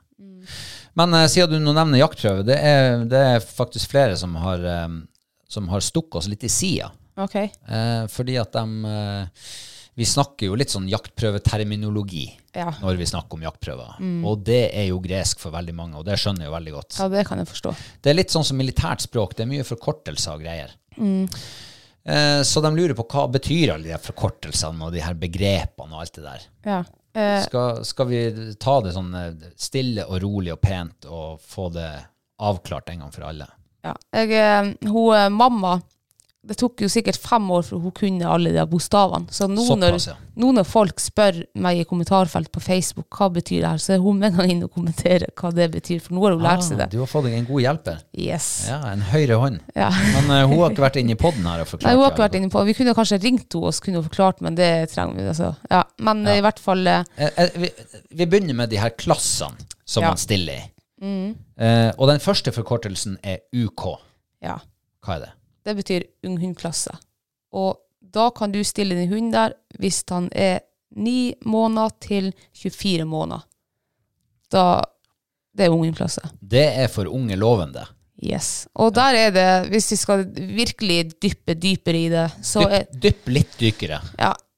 Her dykere, jeg sa dypere. Var det det du sa? Ja, nå var jeg ikke ordforderva. Dykk litt dypere. Men i hvert fall, der skal jo hunden selvfølgelig vise topp kvalitet. Men Hva det, betyr det? det betyr, altså, du skal vise så altså, altså du skal du, Altså, det skal ses på deg at du er jakthund. Altså, du, altså, du gjør det veldig vanskelig nå. Hvis du skal ha første, da. Men i hvert fall i UK så er det jo mest talent de bedømmer. Det skal være talent. Ja, Det, være, er, det er jo det viktige Ja. å poengtere her. er du stortalent og du har funnet din fugl og fått visst reis, så kan du få første UK. Er du et stort talent og funnet din fugl, men du har ikke reis, at fuglen bare går uten at hunden reiser, så blir det andre UK. Og er du en god hund og kanskje mer reis, så kan du få en tredje UK. Så det, men du må, ha, du må ha reis for å få første premie Og hva er reis i jaktprøvesporten? Det er når hunden reiser rypa. Når hund reiser rypa, hva betyr det? Det er at når hunden står, du kommer eh, til på jaktbar hold, og du ber hunden din om å reise i form av ja, eller kjør på, eller uansett, og så beveger hunden på seg, at det er hundens bevegelse at rypa flyr. Rypa lette, rett og slett. Rypa lette, ja. Det er reis. Hunden får rypa til å lette. Yes. Ja. Og så er det jo da, når han er blitt 24 måneder, så er du kommet over i AK. ja, og hva betyr det? Det er adultklassen. Ah, Da er du voksenhund, ja. Voksenfilmen. Ja, og det er jo fortsatt i kvalitet. Kvalitet, hva er det? Kvalitet er jo altså du, Da bedømmes den enkelte hunden. Da. Det er altså det, kvaliteten Den dømmer Din hund blir bedømt Ja. på, eh, av de kvalitetene du sitter på. Og da blir den egentlig bare bedømt opp imot et sett med kriterier egentlig som stilles for den klassen. Gjør den ikke det? Ja. Det er ikke en konkurranse mot andre hunder. Nei, det er jo ikke det. Men selv om altså, Det er jo ikke det, men selv om så kan du jo bli slått i fugl av For du, i jaktprøve på fuglehunder, så er det bestandig to hunder som slippes ut. Mm. De settes opp mot hverandre på en måte. Men i kvalitet så skal den enkelte hund bedømmes ut av deres kvaliteter. Ja. Eh, og det er jo samme prinsipper. Du må reise få første AK, du må vise liksom eh, store eh, Altså, du må være skikkelig god. Glimrende. Ja. Og en andre er en god hund, og en tredje en bra hund. Og hvis du nå skulle få første AK, da? Ja, Hvis du får første AK, da har du kvalifisert deg til å gå i VK. Ja. Og VK, det er vinnerklasse. Ja. Og der er det ren konkurranse. Det er hardcore konkurranse. Hardcore, ja. Der er det ikke Der kan ikke alle hundene få første eller andre eller tredje. Der er det maks seks premier, eh, seks eh, ja, premier som blir utdelt. Og det er første, andre, tredje, fjerde, femte og sjetteplass. Riktig. Så det er rangert rekkefølge. Yes. Og for å få premie i VK, hva må du gjøre da? Du må være glimrende. Du, altså det sier jo i VK så skal du holde kvalitet i den første AK. Eh, du skal være glimrende gjennom hele dagen. Du skal finne fugl for å få premie. Eh, og der er også samme prinsippet. For, eller, eh, nei, der kan du få første uten å ha reis. Men i VK så utdeler de CK eller SASIT. SASIT er på finaledagen. Det er ikke alle prøvene som har SASIT, men noen prøver har SASIT. Og det er liksom eh, uh, Herregud, nå fikk jeg jerneteppe. Altså, CK og SASIT er en sånn ekstra hedersutmerkelse. Ja, det er si det certification. enkelt. Ja, ja, certification sier ingenting for en noob som aldri har vært på jaktprøve før. Her kommer altså dine pedagogiske egenskaper til sin rett. Ja, men eh, altså nå eh, Jeg er jo eh, Jeg har ikke satt meg heller inn i så mye der. Nei, men poenget er at hvis du, hvis du da, har altså, gått altså, har, du fått CK, da? Det er kun den plettfrie jakthunden som kan få en CK eller en CERT. Sasit, mener jeg.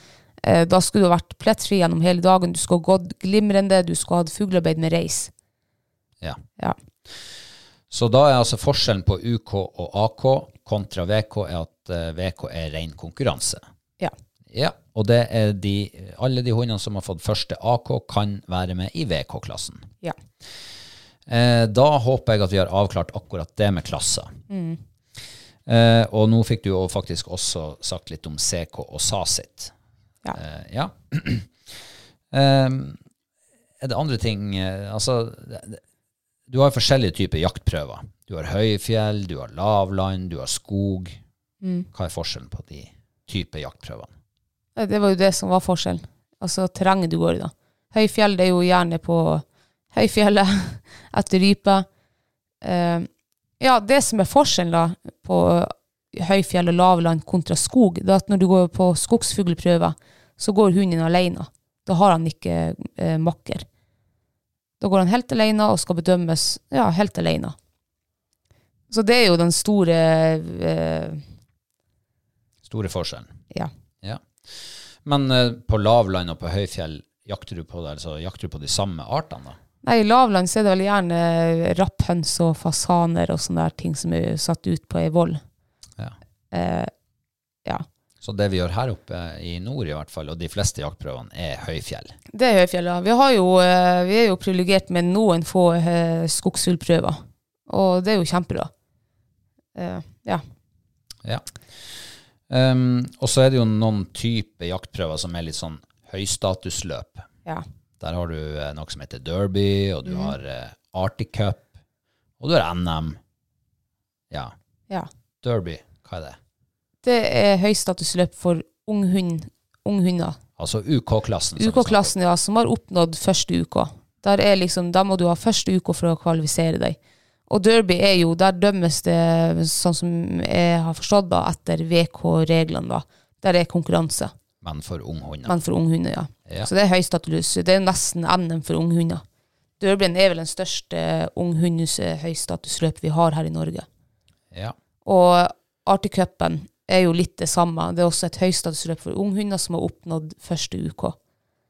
Uh, kanskje ikke like stor prøve som Derbyen, men uh, jeg tror han henger høyt, den også. ja.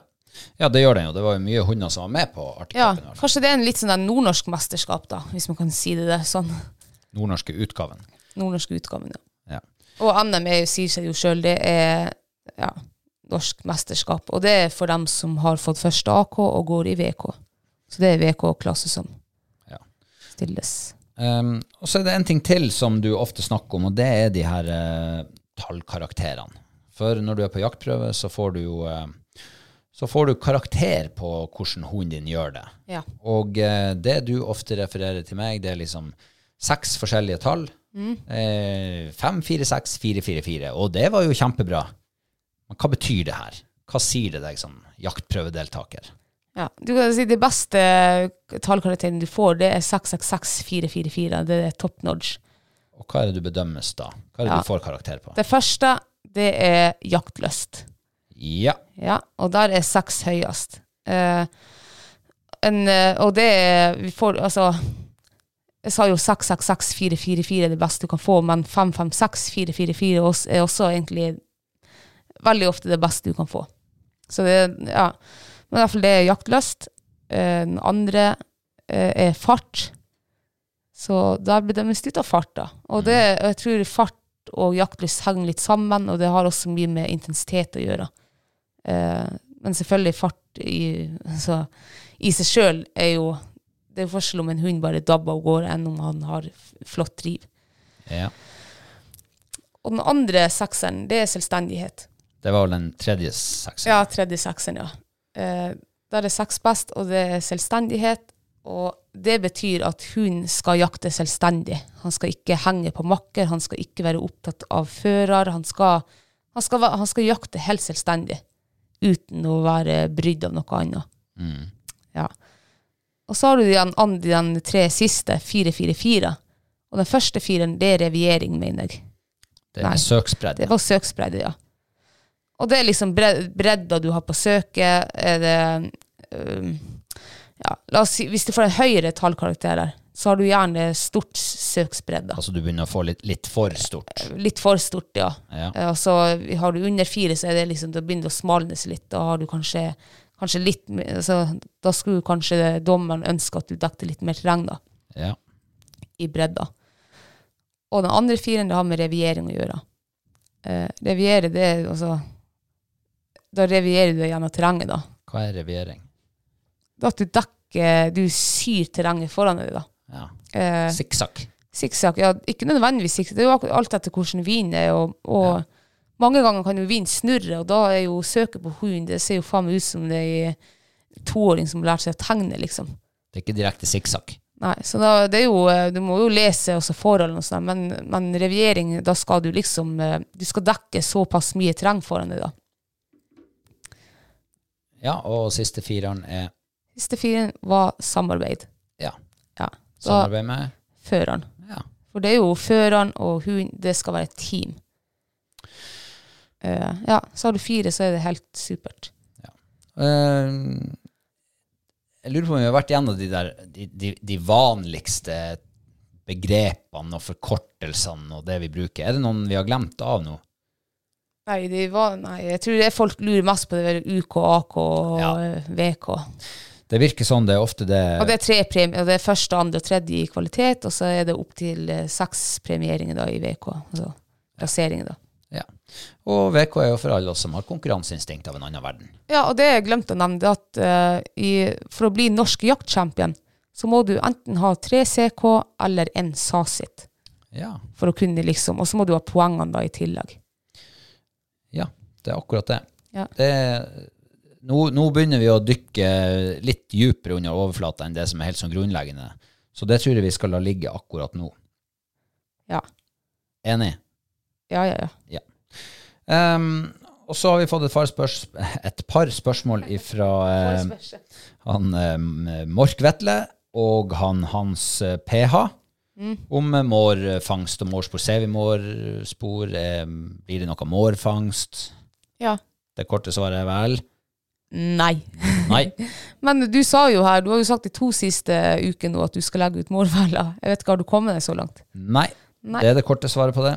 Ja. Eh, og det var egentlig bare fordi at eh, Nei, jeg tenkte det var under 14 dager igjen til jak eh, jakta var over, så jeg tenkte pff, det blir ikke noe av det der. Det blir som å sitte på isen og fiske. Det er dødt og mørkt i holda likevel. Men det har vært veldig lite mårspor også å se, syns jeg, i vinter. Ja, det har egentlig det. Så, Eh, det jeg lurer på om det der mårbestanden varierer veldig, Ja, det kan godt hende. siden vi så så mye spor i fjor og så lite i år. Mm. Eh, en eh, siste, et siste spørsmål eh, som også er litt sånn gjennomgangstema. Mm. Eh, det er at eh, det er mange som lurer på om ikke vi kan lage noe om ja, hvordan man får en kvalp til å bli en jakthund. Litt Mm. sånn dressering og ja, alt det som hører med. Ja. Ja. Og det kan vi vel gjøre. Mm. Når skal vi gjøre det? Det har jo, altså, vi har jo manuset klart. Det er bare Yes. å spille den inn. Det er det som er at det kommer nemlig en eh, episode i løpet av denne uka. Ja. Og det er jo, eh, må bare understrekes at det blir ingen fasit, men det blir vår måte. Ja. vår måte og våre erfaringer og vår tankegang og vår visjon. Ja. Eh, Så den eh, blir spilt inn i løpet av uka, og kommer vel sikkert sånn litt nærmere helga. Ja. Ingenting er høgd i stein, men det er det som er planen. Mm. Ja da, vi begynner å nærme oss slutten, men vi har jo en usannsynlig viktig ting å gjøre først. Det har vi. Det aller viktigste. Vi har fått oss noen nye patrions. Det er det vi har, skjønner du. Yes. Å, herregud, for en herlig dag. Ja. Jeg blir så glad når det tikker inn liksom eh, sånn ny varsel, eh, Patrion og Ja, det, er- det er litt sånn sykt. ja det, det er ikke bare litt sykt, det er også veldig stas. Veldig stas, ja. Altså mest stas. Og jeg føler meg veldig sånn privilegert for at folk eh, i det hele tatt eh, vil liksom bidra og være med i gjengen. Mm. Eh, og eh, vi har jo Hver gang så etterlyser vi jo flere jenter inn i den her eh, samfunnet vårt. Inn i familien, eller hva man skal kalle det for. Ja. Og det har vi fått. Det har vi fått, ja. Det har vi fått. Det er jo Camilla Hegli. Og hun har et bilde der hun holder fisk. Eh, de er jo så smått, de her bildene, men det kan det være noe sånn her eh, laks eller noe? Eh, jeg tipper at det der er en sei, eller en, kanskje en lyr. Jeg vet, er, er Tror ikke du det? lyr? Ja, jeg tror det er lyr. Og hvis det er lyr, så tror jeg at hun er fra Trøndelag. Jeg ser, hun står på ei brygge, faktisk, og jeg ser havet bak, og jeg ser liksom litt høyde i terrenget der. Eh, ikke så veldig store fjell. Men Hegli, er det, hvor i landet finner man det etternavnet? Hegli. Det hørtes så litt trøndersk ut, faktisk, når du sier det. Altså, jeg vil si at det er en eller annen plass mellom Trøndelag og Indre Troms. Jeg har jo bodd i Heggelia, men det er ikke helt det samme. Nei. Så Ja, jeg fikk en hunch nå på Haugesund. du er i Haugesund, faktisk. Ja. Det er jo ikke i nærheten av Trøndelag engang. Nei. Men jeg lurer faktisk på om jeg eh, er Facebook-venn med en Hegli som eh, er derifra. Så da tenker jeg, og, det liksom, og så ser jeg terrenget bak. Det var litt sånn lave topp og, eller sånn lav eh, terreng. Ja, men det er litt gråværsdag. Jeg tror ikke det er så mye gråvær på, på, på, i Haugesund på sommeren. Jeg, jeg mener, jeg tipper Nordland en plass.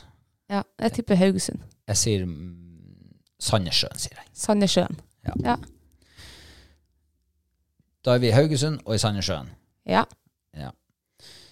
Og så har vi en eh, som heter Erlend Panzer Hansen. Han- ny Hansen. Der er en ny Hansen, ja. Ja, det er han fra Reisa. da har vi tremanning eller noe. Ja, Har du en tremenning som heter Erlend? Nei, jeg vet da forsken. Altså, Erlend Hansen det er jo eh, også et sånt der veldig universelt navn. Han gir oss ikke så mye hjelp med profilbildet, for det er nå en rev. Ja. Men Panser, er det etternavn, eller er det mellomnavn, eller er det bare en sånn her navn du har lagt til? Jeg tror det er det siste. Tror du det? ja? Ja, det tror jeg. Jeg tror at han er antagelig Enten er han Jeg tror han er forsvarsspiller på et fotballag. Og så er han stor og kraftig. Hvis du som spiss springer inn i han, så er det som å møte på panser. Du tror det, ja? Det tror jeg. Ja, okay. For jeg spilte fotball med en som han kalte for panser. Ja. Men han var spiss. Men han var en sånn type. Ja, Men hvor, han, hvor eh, fotballspillere kan komme fra, da? Det er jo hele Norge. Ja, det er jo det som er problemet. Men uh, i og med at han har en rev som eh, Ja, ja, panser Du må være litt fra For å kalle det for panser, så må du være litt ifra sånn på Ut på kysten, litt sånn Senja-aktig. Tror du det? Ja, jeg tror det. Du, du skal ha litt eh, selvtillit for å skrive panser i navnet ditt. Ja. Så jeg tror han er ifra um, Enten er han fra Vesterålen Jeg sier Vesterålen. Bø. Bø i? Vesterålen. Ja, det sier jeg. Og jeg syns det var så vanskelig, for Nei, jeg Hansen sier ikke Bø. Jeg sier Nei, ikke Bø. Jeg bytter det til Myhre. Myhre. Myhre. Erlend Hansen fra Myhre. Ja, jeg sier eh, Hansen, Hansen, Hansen, Hansen. Eh, jeg fikk litt sånn her Finnmark, Mm. eh, men jeg tror egentlig ikke det. Eh, men eh, uff, det var vanskelig. Jeg sier Alta, da. Du er i Alta. Ja. Ja. Og, men jeg tror fortsatt han spiller på Myhre IL, eller IF. Det tror jeg. Gjør du det? Ja, han er, han er midtstopper der. Det er ikke sikkert han er fotballspiller i det hele tatt. Ja, det er sikkert kjempebom. er det flere? ja, vi har en som heter Gunnar eh, Kikut. Kikut. Ja, du, det er en hytte som heter det samme. Er det det, ja? Hvor den ligger den?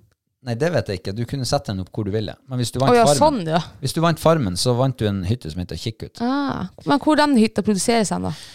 Eh, Norgeshus, det må jo være fra Sør-Norge en plass. Er det, det er noen søringer som driver med den. Ja, Det tror jeg ikke, for jeg ser på bildet her, så ser det, det ser veldig ut som at han er på Finnmarksvidda, og jeg tror faktisk det sitter en irsetter på profilbildet. Ja, det var Det kunne se ut som irsetter. Det kan hende det er helt feil at det er en forser eller noe. Nei, jeg tror det er irsksettere der. Jeg tror det er irsetter, ja. Det ser ut som de er på jakt. Det kan jo være at han er på uh, jaktferie hver høst. Det kan hende, ja. Kikk ut. Kan det være et finnmarksnavn? Altså? Eh, ja, jeg vet hva, jeg sier Tana. Du sier Tana. Ja. Ok, du tar meg. Jeg sier Kirkenes. Kirkenes. Ja, Ja. jeg sier Kirkenes. Men uh, han er jeger. Eller Børskjell fikk jeg også noe sånn her eh, hunch på. Ja, det er på andre sida. Ja, nei, nei jeg, jeg, kan man si to ting? Nei. Ja, jeg sier Tane, da, men hvis han er fra Børskjell, så hadde jeg jo egentlig rett da også. Men hvis det stemmer at det er en irsksetter, så hadde det vært interessant å få vite hvor, eh, hva det er slags hund. Mm. Kanskje det er en vi egentlig kjenner. Kanskje vi har holdt på jaktprøve med han. Det kan godt hende, ja. jeg vet, jeg er jo dårlig på navnet. Jeg. Ja, jeg husker hunden han gjør, jeg. Ja. Det gjør jeg faktisk. ja, Gunnar, eh, send oss gjerne en melding. Ja. Ja. Kanskje vi har møtt hunden. Og denne oppfordringa går jo til, til dere andre to også. Det er veldig stas å få, eh, få oppdatering på hvem dere er, og hvor dere er fra. Mm. Og hva hun heter, ikke minst. Og var det en laks, eller var det en sei? Eller en lyr? Ja, nei, jeg tror faktisk det var, Han var litt mørk i bak ryggen, så jeg tror kanskje det er en sei, Ja. ja. Men jeg holder fortsatt på lyr. Ja. Og så har vi eh, siste for i dag. Ja. En god, gammel kjenning. ja. Ole Johan Skogmo. Oi! Ja, det er stas. Ja, jeg vet jo hvor han kommer fra. Ja, du gjør det, ja. Ja, jeg var jo usikker, men eh, for han- vi var jo og trente i lag her før jul. Og da sa han hvor han kom fra. Og hvis ikke jeg tar helt feil, så var han fra Spåkenes. Ja, hvilken kommune ligger det i? Kåfjord. Kåfjord! Nei, Nordreisa. Kåfjord eh, Nei, Nordreisa, kanskje. Ja, nå ble jeg nå faktisk brått litt usikker. Nei, eh, helvete, jeg har jo sett og kjørt forbi det skiltet tusen ganger. Det er akkurat det som er problemet. Du kjører forbi det akkurat der. Ja. Og så hvor hen på spåken Men sporene? jeg er faktisk litt usikker, for at jeg vet han var slekt med en som bor i Lyngen, og så snakka han om Hamneid, så jeg, jeg husker egentlig Han har forvirra deg i alle retninger. Men eh, hvis jeg husker rett, da, så tror jeg han var fra Spåkenes. Jeg, tror, jeg blir litt nervøs. Han er jo politiet, han Ole Johan. Så jeg, tror, jeg var litt nervøs første møte når vi var og trente. Så jeg, Var du det? ja, ja. Ja, man skal være forsiktig med Ja, jeg, lovens lange arm. ja, jeg er litt sånn, jeg blir nervøs. Hver gang jeg møter en politibil, så blir jeg sånn her eh, paranoid. Så kikker jeg i speilet om politibilen snur og liksom skal ta meg på noe hvis jeg vet at jeg kjører med et lys som er gått, eller et eller annet sånt der. Ja, ja, for det kan jo skje. Det kan jo Man skje, kan ja. jo kjøre med et lys som er gått. Det, det du kunne jo vet. virke Ja, ikke sant. Ja. Det kan jo slutte å virke Det blir helsen, altså, det kan godt hende at han ikke var fra Spåkenes, så husker jeg helt feil. Så Ole Johan, hvis du, hvis du mot formodning skulle stoppe meg med et lys som ikke virker engang, så har det skjedd på veien. Ja. Det virka når jeg setter meg i bilen. Ja, det jeg har jo tenkt også memorert hvis jeg en gang blir stoppet av politi av et eller annet. Så har jeg alltid en forklaring. Ja, du har det, ja. Ja, jeg kjørte jo her i vinter, så skiltet var jo datt av. Så skiltet lå jo i framsetet. Og da hadde jeg liksom at skiltet datt av på akkurat den turen, så jeg var på tur ned og reparere det. Ja, sånn, ja. Så jeg kjørte med det skiltet litt, litt i framsetet. litt sært at du eh, merka at skiltet datt av, og stoppa, rygga og plukka det med deg og la det i attmed setter på turen ned og skulle få det skrudd på. Den forklaringen hadde ikke holdt hvis jeg heter Ole Johan.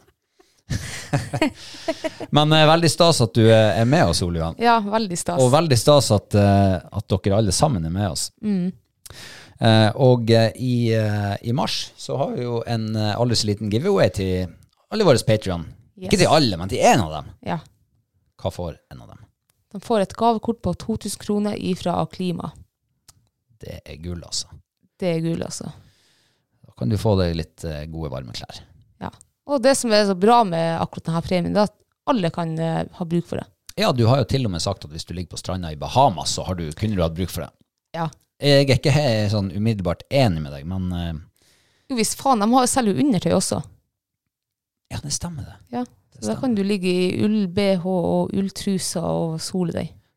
Ja, det er vel mer som boksershorts, er det ikke det? Du får ikke bikinilinje av eh, Nei, du kan jo klippe og fikse det. Ja, men det er jo litt stas for oss eh, nordboere og vi som nå bor her vi bor. Og eh, det er ikke så nøye om vi har bikinilinje eller ikke. Du, aller Stort sett fleste, så har vi vaderne på oss hele sommeren allikevel. ja, vi blir som bondebrun her. Ja, det er det vi blir, skjønner Men eh, vi sender altså eh, hjertet vårt til dere alle sammen som er våre patrons. Ja. Det er superstas. Og med det, kjære Kristine, så eh, begynner vi å nærme oss slutten, sånn ubønnhørlig. Ja. Ja. Det går fortere enn eh, vi aner. ja, det gjør det. Det var trivelig å sitte og, memorere helg og prate og ja. Ja, det er det som er. Det er de der minnene man putter i banken. ja. Og eh, bare husk nå på, du som sitter med lyden vår rett inn i øret ditt nå. Ta vare på de der øyeblikkene. Mm. Ta vare på de der tingene du opplever. Og det trenger ikke nødvendigvis å være de store tingene. Nei. Men Veldig ofte er det de små tingene du husker. sant? Hva jeg sa jeg huska fra denne helga? Rype, Rypebrøstet. rypebrøst, ja. Stekt rypebrøst. Eh, De to-tre bitene du Ikke sant? Mm. Det er ikke store tingen, Nei. men eh, det er en liten bit i den store sammenhengen. Ja.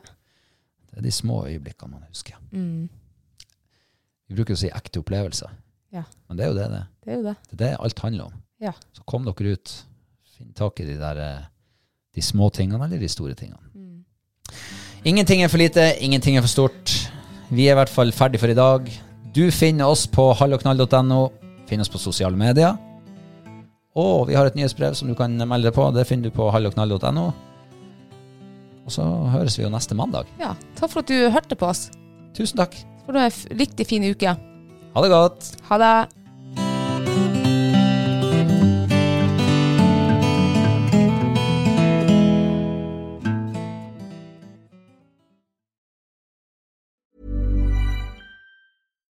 Hi, I'm Daniel, founder of Pretty Litter. Cats and cat owners deserve better than any old fashioned litter. That's why I teamed up with scientists and veterinarians to create Pretty Litter. Its innovative crystal formula has superior odor control and weighs up to 80% less than clay litter.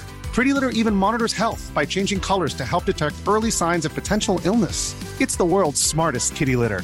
Go to prettylitter.com and use code ACAST for 20% off your first order and a free cat toy. Terms and conditions apply. See site for details. Hold up. What was that? Boring. No flavor. That was as bad as those leftovers you ate all week. Kiki Palmer here, and it's time to say hello to something fresh and guilt-free. Hello Fresh. Jazz up dinner with pecan-crusted chicken or garlic butter shrimp scampi. Now that's music to my mouth. Hello Fresh. Let's get this dinner party started. Discover all the delicious possibilities at hellofresh.com. Mom deserves the best, and there's no better place to shop for Mother's Day than Whole Foods Market. They're your destination for unbeatable savings, from premium gifts to show-stopping flowers and irresistible desserts. Start by saving 33% with Prime on all body care and candles. Then get a 15-stem bunch of tulips for just $9.99 each with Prime. Round out Mom's menu with festive rosé, irresistible berry chantilly cake, and more special treats. Come celebrate Mother's Day at Whole Foods Market.